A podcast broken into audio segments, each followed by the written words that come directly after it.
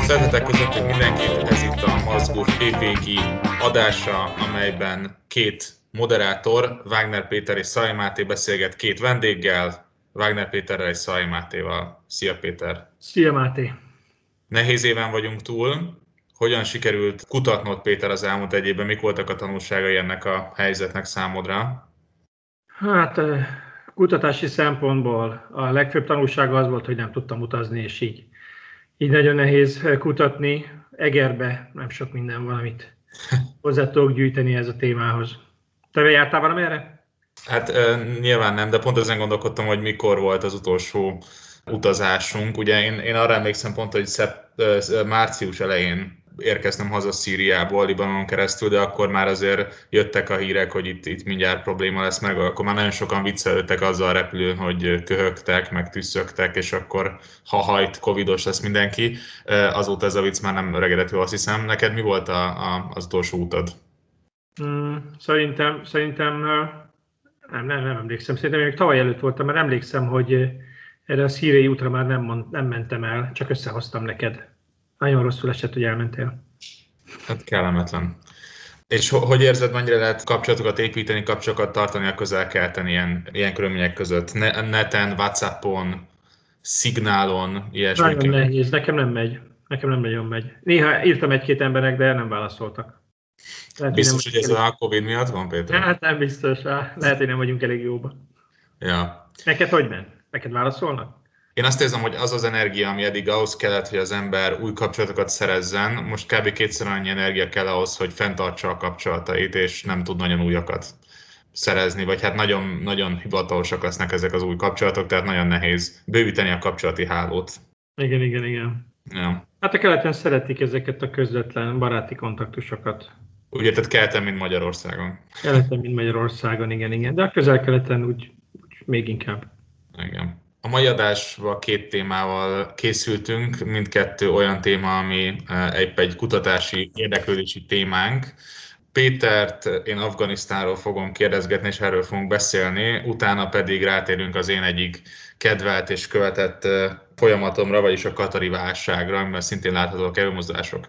Péter, Afganisztával kapcsolatban ugye te már évtizedek óta figyel az eseményeket. Mit gondolsz ez a béketárgyalás, ami most zajlik, ez mennyire jelent történelmi fordulópontot? Igen, sajnos már ennyire öreg vagyok, hogy már tudok dolgokat évtizedek óta kutatni. Szerencsére még csak két évtized, annyira öreg még nem vagyok. Nagyon-nagyon-nagyon nagy, nagyon nagy kérdőjelek vannak ebbe a béketárgyalásban. Ugye elvileg februárban az Egyesült Államok megegyezett a tálibokkal arról, hogy bizonyos feltételek teljesülése után jövő májusban, 21 májusában kivonul, és ennek az egyik része, de nem feltétele az, hogy az afgán kormány is tárgyalásokba kezd a tálibokkal, és ezek a tálibok, tálib afgán tárgyalások egyébként pont Dohában, Katarban vannak, jó lett volna majd a végén ezzel vagy átfűzni a témáthoz, és, és a hét elején megegyez. Tehát ott is történt egy történelmi megegyezés, már annyi történelmi megegyezés van, de túléptek az ilyen procedurális szempontokon, amiken több hónapot vitatkozott a két afgán fél, és most elvileg elindultak a, a tárgyalások, szubstantív részei arról, hogy akkor milyen mértékben és hogyan is legyen egy amerikai kivonulás utáni együttélés. Nyilván ez is egy olyan helyzet 30 vagy 40 év polgárháború után, hogy, hogy mindig szkeptikusak vagyunk, hiába vannak már olyan történelmi eredmények is, amelyekről, amelyekről korábban azt gondoltuk, hogy elképzelhetetlenek lettek volna. Az is, hogy az amerikaiak tárgyalásokba kezdjenek a tálibokkal, aztán az is, hogy megegyezzenek. Aztán most a két fél, afgán fél egymással tárgyaljon, de azt gondolom, már nem szeretek pessimista lenni, hogy tényleg nagyon borús a jövő, mert az új amerikai adminisztráció eddigi megnyilatkozása, vagy inkább korábbi, még a választások alatt és a választások előtt, mikor, mikor ellenzékben Trumpot bírálták, nem túl sok jóval kecsegtetnek az amerikai jelenlét befejezése szempontjából. Ugye, ugye tényleg nehéz így megegyezni, hogy, hogy az amerikaiaknak végül is fel kell adni mindent. Szerintem legalábbis fel kell adniuk a végén mindent ahhoz, hogy kivonulhassanak, ami, ami egy vietnámihoz hasonló pofon lesz. Ne, érdekes ez, mert én ugye nem foglalkozom Afganisztánnal, de az valahogy egy ilyen alapvetésnek tűn nekem, akár az iraki párhuzamot hozza, hogy ilyenkor ezek a, a csoportok, ilyen szélséges csoportok, vagy felkelő csoportok, vagy nem is tudom, hogy olyan kell ezeket nevezni, ezek igazából ugye fontosabb időpont, vagy a leg, legfontosabb cél, hogy az amerikaiak kivonuljanak, és aztán addig teremtsék meg a körülményeket, hogy, hogy ki tudjanak vonulni, és aztán majd úgy is átvehetik a hatalmat helyi szinten, országos szinten, ahogy kijön. Akkor eb, ezt nem láthatjuk előre, vagy nem ez történik most, hogy a, a tálibok mindent megígérnek, hogy aztán majd szépen átvegyék a hatalmat az országban? Én abszolút adok 50%-ot ennek, de hogy mondjam, tehát ennyire, egyrészt ennyire pessimista senki sem akar lenni, Másrészt ezt szerintem senki nem tudja elképzelni, mert a vietnámi kivonulás, és ugye 73-ban a békekötés Észak-Vietnámmal, majd utána az, hogy 75-ben Észak-Vietnám lenyeli Dél-Vietnámot, ez, ez annyira elképzelhetetlen az elmúlt évtizedek amerikai külpolitikája után, úgyis, mint kudarc, és úgyis, mint hitelvesztés az Egyesült Államok részéről, és szerintem az új vezetés mindent megpróbál majd megtenni annak érdekében, hogy, hogy egy ilyen zsákutcában ne kormányozza be magát. Elvileg azt ugye... Azt, azt mondtad, hogy elképzelhetetlen? Hát szerintem nagyon kevés, nagyon nehéz elképzelni, hogy ez tényleg meg fog történni az Egyesült Államok. Ezért mondom, nekem is, tehát beszélek róla, de úgy, úgy, úgy, úgy nem tudom, nem tudom elhinni, hogy ez, hogy tényleg, de mert, mert hogyha az amerikaiak kivonulnak, akkor, akkor, akkor ez lesz a vége, viszont ha maradnak, akkor meg ugyanaz a helyben topogás lesz, ami, ami, ami idáig történt az elmúlt egy évtizedben. És hát legalább egy évtizedben, és ugye mindaz, amit afgán demokráciáról, az afgán nők helyzetéről, az emberi jogokról, a, az alkotmányról beszéltek, meg ahogy, ahogy, ahogy a, a tálibokat demonizálták az elmúlt két évtizedben, ugye ezek után tényleg nehéz kisétálni ebből a helyzetből. Egyfelől az amerikai érdek szerintem Biden alatt is az lenne, hogy kivonuljanak Afganisztánból. Vagy egy olyan megoldást találjanak, ahol aztán tényleg alig kell már amerikai katona és a tálibok minden okot megadnak egyébként arra, hogy, hogy bemaradjanak az amerikaiak, mert a megállapodásban az van, hogy a tálibokkal, vagy az alkaidával minden kapcsolatot meg kell szüntetniük, amire semmilyen lépés nem történt idáig. És benne van az is, hogy azért az erőszakot csökkenteni kell, ami szintén nem történt meg ideig. Tehát igazából a tálibok, tálibok nem teljesítették még az amerikai tálib megállapodásnak szinte egyetlen szempontját is, miközben ők már kaptak olyan dolgokat, amelyek amelyek benne vannak ebben a megállapodásban. És az amerikai, bocs, még az amerikai adminisztráció, ugye, ugye Biden annak idején, amikor még Obama alatt volt, és Obama megtervezte ezt a kivonulást, ő amellett volt, hogy, hogy, hogy legyen egy ilyen minimális katonai jelenlét. Tehát most elvileg az ölébe hullik ez, hogy akár, akár meg is valósíthatja. Igaz, akkor alelnökként ugye ő is könnyebben beszélt.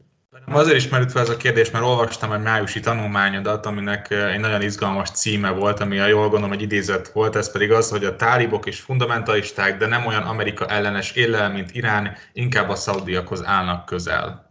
Ebből gondolkodtam azon, hogy a tálibok mennyire megbízható partnerek, vagy mennyire lehet komolyan venni őket, mint partner, mint tárgyaló partner, illetve hogy, hogy ebből a szempontból van-e szubstantív különbség mondjuk a tálibok meg az alkaida között.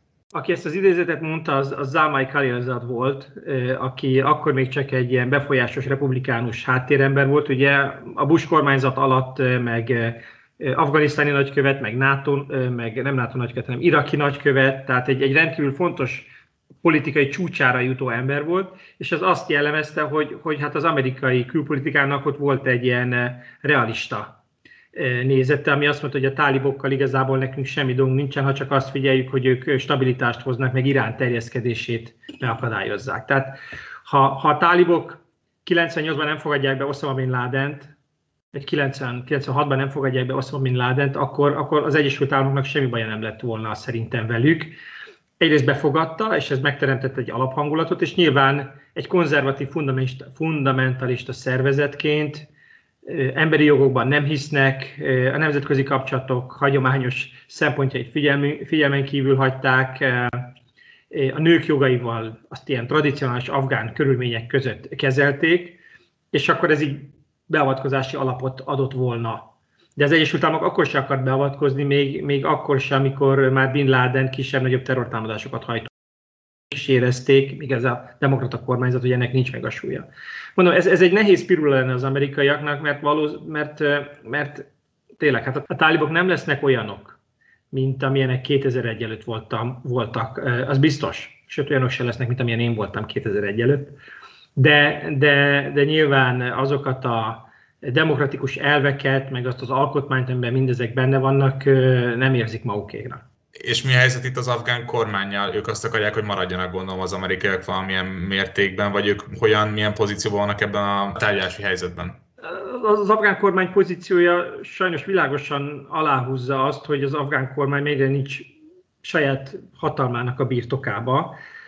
Az egész afgán biztonsági erő az, az amerikai pénzből működik, még ha most durván leegyszerűsítem, az, az afgán költségvetés nagy része nemzetközi segélyekből áll, gyakorlatilag el kell fogadniuk azt, most ezek a decemberben Katarban folyt tárgyalások is azt húzták alá, hogy, hogy voltak követelései az afgán kormánynak ebben a két oldalú tálibokkal tárgyalásokban, de gyakorlatilag nem értek el semmilyen eredményt, és a tálibok álláspontja érvényesül. Tehát az afgán kormánynak mennie kell az amerikaiak által kijelölt úton, és nincs igazi mozgástér, és természetesen az afgán kormányban ekközben megvannak a belső konfliktusok, van egy része, amely valamennyire egyetért a tárgyalásokkal, szükségszerűségnek tartja, és van egy másik feje, fele, amely a régi történelmi ellentétek miatt mindenféle megoldást, párbeszédet elutasít a tálibokkal. Persze ugye őket meg kéne kérdezni, hogy jó, de hogyha ha nem, és ha az amerikaiak hazamennek, akkor, akkor mi lesz? Akkor mi lesz velük? Hol is folytak ezek a tárgyalások, Péter? Nagyon jól mondod. Ez a tárgyalások Dohában, Katar fővárosában folytak. Ez még, ez még annak a, az időszaknak az eredménye, amikor, amikor Katar még nem volt elszigetelve, és még mindenféle területeken tudott, eh, tudott eh, külpolitikailag aktív lenni és közvetíteni. És hogy mondjam, ez nekik egy fontos fegyver, mert, mert, mert az amerikaiakat még valamennyire ide köti hozzájuk. Tehát nem, ha nem lennének ezek a tálib tárgyalások, akkor, akkor az amerikai támogatásnak a jelenléte jelentősen lecsökkenne. De miért megkérdezem, Máté, miért megkérdezem, hogy, hogy jó, hogy is állnak most akkor a, a, a Katarral szembeni eh, szankciókat a szomszédos országok révén, azért a hallgatóknak és nekem is mondj már egy pár szót, hogy, eh, hogy hogy jutottunk el ide, mert már alig emlékszem a részletekre. Csak az országokra emlékszem, akik felléptek Katarral szemben. Ugye nagyon érdekes a katari helyzet, meg a, az öbölmenti helyzet. Ugye Katar az a kis állam, amelyik egy félszigetként nyúlik ki a, az arab félszigetről, gyakorlatilag, tehát Szaudarábiából, és ugye ami, ami miatt elkezdtek az emberek felfigyelni Katarra, illetve megkülönböztetni egyáltalán Katart Kuwaittól a névhasonlóság elnére az az, hogy Katar a 90-es évek vége óta nagyon, eh, ahogy te nagyon eh, markáns külpolitikát kezdett el eh, csinálni. Ugye ezt nagyon sokféleképpen lehet leírni. Általában azt szokták kiemelni, hogy Katar igyekszik mindenkivel jobban lenni, mindenkivel tárgyási potenciált képíteni, hogy aztán tudjon például közvetíteni nagyon sok fél között. Ugye ez tök sikeres volt nagyon sok szempontból, valamilyen mértékű kapcsolata például Izraellel is volt, Iránnal is fenntartottak, illetve a muszlim testvérűség mozgalmat különösen az arab, arab tavasz időszakában nagyon erősen támogatták. Ez kiegészült egy nagyon izgalmas gazdaságpolitikával, ami inkább a földgáz exportra és nem a kőolaj exportra koncentrált, illetve az olyan nagyobb projektek projektekre, mint az Al Jazeera TV csatorna, ami ugye angol nyelven igyekszik az országimást fejleszteni nyugaton, illetve arab nyelven, ami megpróbálja a térségbeli belpolitikai helyzeteket alakítani, illetve befolyásolni. És hát ebből a politikából lett gyakorlatilag elege a szaudiaknak és az emírségieknek 2017-re. Oké, okay. mi lett ez az ellen? Miből, mi, mi volt ez az ellentét? Hát alapvetően az ellentét igazából már a 90-es évek óta megfigyelhető volt, de főleg azzal volt, vagy az volt a jéghegy csúcsa, hogy, amit már említettem az előbb, hogy Katar nagyon erősen elkezdte támogatni a muszlim testvériséget, Szíriában, Líbiában, okay, de az okay. És az azért zavarta a szaudiakat?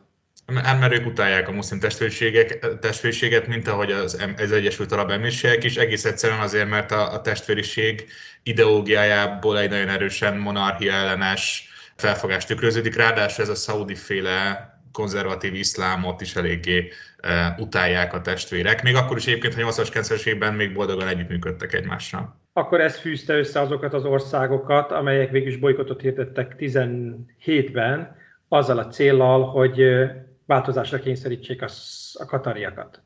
Alapvetően igen, a muszlim testvériség utálata fűzte őket össze, továbbá az, hogy Katar elkezdett Iránnal is együtt, vagy hát nem is elkezdett, de jóba volt Iránnal is, például Szíria kapcsán sok ilyen egyeztetés jött létre, Katar és Irán között közvetetten, ami nem tetszett a szaudiaknak, nem tetszett az emírségeknek, nem tetszett Bahreinnek például, és hát azt mondanám, hogy ez a kettő szempont, plusz az, hogy Katar egy komoly gazdasági versenytársa volt az emírségeknek, ez a három készítette őket arra, hogy gyakorlatilag blokádot hirdettek Katarral szemben, nem számolva például a komoly katari-amerikai kapcsolatokkal, ami nem csak a, a közvetítésekben mutatkozik meg, de például abban is, hogy ugye az Aludeid bázison Katarban kb. 10 ezer amerikai katona van.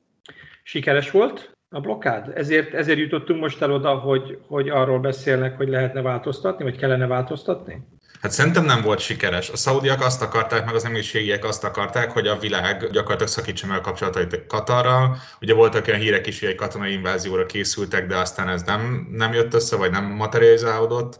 Azt lehet látni, hogy a legtöbb ország a világon semleges pozíciót vett föl, és azt mondták, hogy majd az öbölmenti országok oldják meg maguk között. Ez ugye gyakorlatban Katarnak kedvez, hiszen nem, nem éri el a szaudiaknak azt a célját, hogy akkor szakítsák meg a kapcsolatokat az egyes országok Katarral. És azt lehetett látni, hogy pont emiatt a sikertelenség jelenség miatt az elmúlt három évben föl-fölröppentek olyan plegykák, hogy na most akkor lesz valami előrelépés a, a megoldás felé. Ugye utoljára 2019 végén voltak ilyen plegykák, de most úgy tűnik, hogy ténylegesen történik majd valami. A katari GDP változott valahogy 2017 óta? Tudom, hogy nagyon közelről figyeled ezeket a gazdasági folyamatokat is. Hát érdemben, stratégiai szinten nem. Azt lehet látni, hogy amikor a blokkád elindult 2017-ben, akkor volt egy, egy kiesés, főleg az import tekintetében, de például azok a kereskedelmi kapcsolatok, amik a katari gazdaságot életben tartják, tehát ez főleg a földgáz szerződések, földgáz eszporttal kapcsolatos szerződések, ezek érintetlenek maradtak. Ugye ezek a szerződések általában hosszú távúak. Tehát azt lehet látni, hogy egy negyed év, két negyed év probléma után sikerült kijönni. Engem, mint könyvtárpolitológust egy ilyen adat, hogyha a GDP nem változik, akkor meggyőz arról, hogy, hogy, hogy a blogát nem sikerült. Mik a aktualitások? Hol tart most? Mert azt hallottam, hogy Kuwait próbált eh, közvetíteni, meg Szaudi részről is már voltak tavaly egy-két ilyen gesztus, de hogy ezek idáig eh, nem vezettek eredményre. Így van, hát azt lehet látni, hogy Kuwait és Omán az a két öbölmenti ország, amelyik semleges szerepet próbált fölvenni az öbölben ők azok, akik próbáltak valamennyire közvetíteni, de ez nagyon nem sikerült 2017 óta. Ugye azt lehet látni, hogy minden évben az év végén jön elő ez a téma, aminek az az oka, hogy minden év végén van az öbölmenti együttműködési tanácsnak, a GCC-nek egy, egy éves e, csúcs találkozója, és ugye az, hogy ott történik-e valami, vagy egyáltalán a, a csúcs találkozó megtörténik-e, a, a, annak nagyon nagy szimbolikus e, súlya van. Ugye már lehetett azt látni, hogy a, a szaudiak próbálnak kifarolni ebből a, a helyzetből egy picit. Ugye annak a külpolitikai változásnak a keretében, amit már mi is megfigyeltünk az elmúlt másfél évben, amikor próbálják kicsit le, rekalibrálni a, a külpolitikájukat, ugye főleg az Iránnal való versengés miatt. Viszont egyrésztről azt lehetett látni, hogy azért a szaudi vezetés is megosztott a kérdésben, másrésztről pedig ott van a másik uh, nagyágyú ebben a katránes koalícióban, az Egyesült Arab Emírségek, amelyik pedig nem is akar hallani a kibékülésről. Két kérdésem is eszembe jutott erről. Az egyik az, hogy nagyon kíváncsi lennék, hogy voltak ezek az Ábrahám megállapodások. Ugye először az emírségek és Bahrein és Izrael között. Említetted, hogy Katar is régen jóba volt Izraelrel, tehát ez, ez nagyon érdekes, hogy elmente valamilyen irányba Katar az Izrael való kapcsolatok normalizálása kapcsán, mert neki ez egy versenyhelyzet lehet, és akkor érdekelt lehet, hogy ugye az emírségek ne hagyják le. A másik kérdés pedig az, hogy már többször említetted, hogy a szaudi vezetésen belüli ellentétek, és pont az Izrael való kapcsolatokban akkor szoktunk beszélni szaudi belső ellentétekről, amikor az uralkodóról meg a fia közötti nézőpontbeli különbség. Ez a, ez a uralkodó és a fia ellentét ez Katar kapcsán is megvan, vagy más típusú a szaudiakon belüli ellentét? Most három kérdés volt egyszerre, bocs. Igen, igazából ugye van ez a mondás, hogy a, aki beszél a Saud csádon belüli erőviszonyokról, az, az nem ismeri ezeket az erőviszonyokat, aki pedig ismeri az erőviszonyokat, az nem beszél róluk. Én se nem ismerem, se nem beszélek róla, azt mondanám, mert nagyon nehéz ezt nyilván kívül látni de én azt mondanám, hogy, hogy valószínűleg ez nem a fia, tehát nem a király és a királyfia közötti ellentét, legalábbis ezt így nem hallottam még. Szerintem csak egy ilyen kalkulációs vita, hogy mi, le, mi a legjobb. Illetve nyilván vannak, akik közel bánnak az emlőségekhez, vannak, akik kicsit távolabb tőle. Itt Izrael kapcsán ez valóban egy érdekes szempont. Én azt érzékeltem, hogy, hogy ugye Katar és Izrael között voltak kereskedelmi kapcsolatok, illetve Izraelnek volt egy kereskedelmi irodája is Dohában, de ezt a második intifáda után, tehát a 2000-es évek elején bezárták. A, az jó régen volt. Az jó régen volt, igen. Amit viszont lehet tudni, az az, hogy azért a katari tisztségviselők azóta is így kapcsolatban állnak izraeli vezetőkkel, hogy a palesztin kérdések miatt ez különösen fontos, hiszen a katariak a, a gázai övezetnek az egyik nagy fejlesztői támogatói, tehát ott muszáj lennie valamilyen izraeli szának. Másrésztről pedig én azt érzékelem inkább, hogy Katar nem versenyként tekint most erre a helyzetre, hanem akkor szépen kielvezi azt a pozíciót, hogy akkor most magát úgy állíthatja be, mint a palesztin ügynek az igaz támogatójára, szemben az emírségekkel, szemben eh, más menti országok. Ezzel, ezzel hol szerez pozíciót, hiszen azért eh, ebben, nekem az volt a benyomásom a megállapodások kapcsán, hogy azért a világ nem ítélte el eh, az emírségeket, vagy akár Izraelt azért, mert megállapodtak. Tehát a, vagy az óvatos kivárás, vagy az egyetértés volt. Tehát Irán, Iránra emlékszem talán, amelyik elítélte. Tehát, hogy Katar feltétlenül az egyetlen Iránhoz akarja magát kötni, vagy, számára fontosabb az Egyesült Államok, és ugye itt azért az Egyesült Államok milyen benne volt ebben a megállapodásban. Kihez akar igazodni?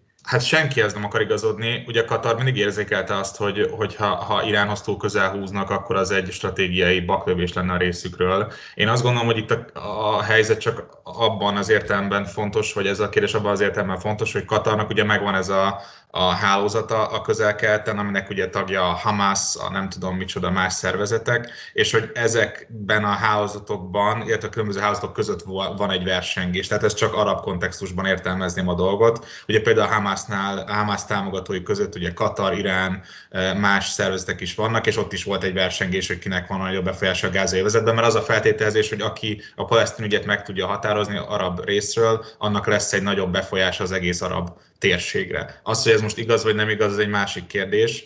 De Mit esetre... gondolsz erről, igaz vagy nem igaz? Szerintem ez már, ez már nem igaz. Hát egyre kevésbé igaz, azt mondanám, de hogyha ha, ha meg azt látjuk, hogy tehát itt, itt szerintem kettő dolog fontos. Egyrészt az a palesztin-izraeli béke folyamat kicsit beindulna, vagy valami változás állna be, vagy, vagy egyébként egy palesztin kiegyezés történne a Fatah meg a Hamas között, akkor felértékelhetne a gázai övezet helyzete, vagy az egész palesztinnek a helyzete. Másrésztről pedig Ugye Katarnak ez egyik vas, amit a tűzben tart, mellette van 15 másik, gondolom ez valószínűleg egy olcsó vas, tehát hogy nem ebbe fog megbukni a katari eh, államigazgatás vagy az állami költségvetés, tehát ez csak egy kártya, amit szeretnének maguknál tartani. Említetted az évvégi GCC csúcsokat, akkor most ezen ott lesz végül Katar, vagy nem? Mikor lesz ez most?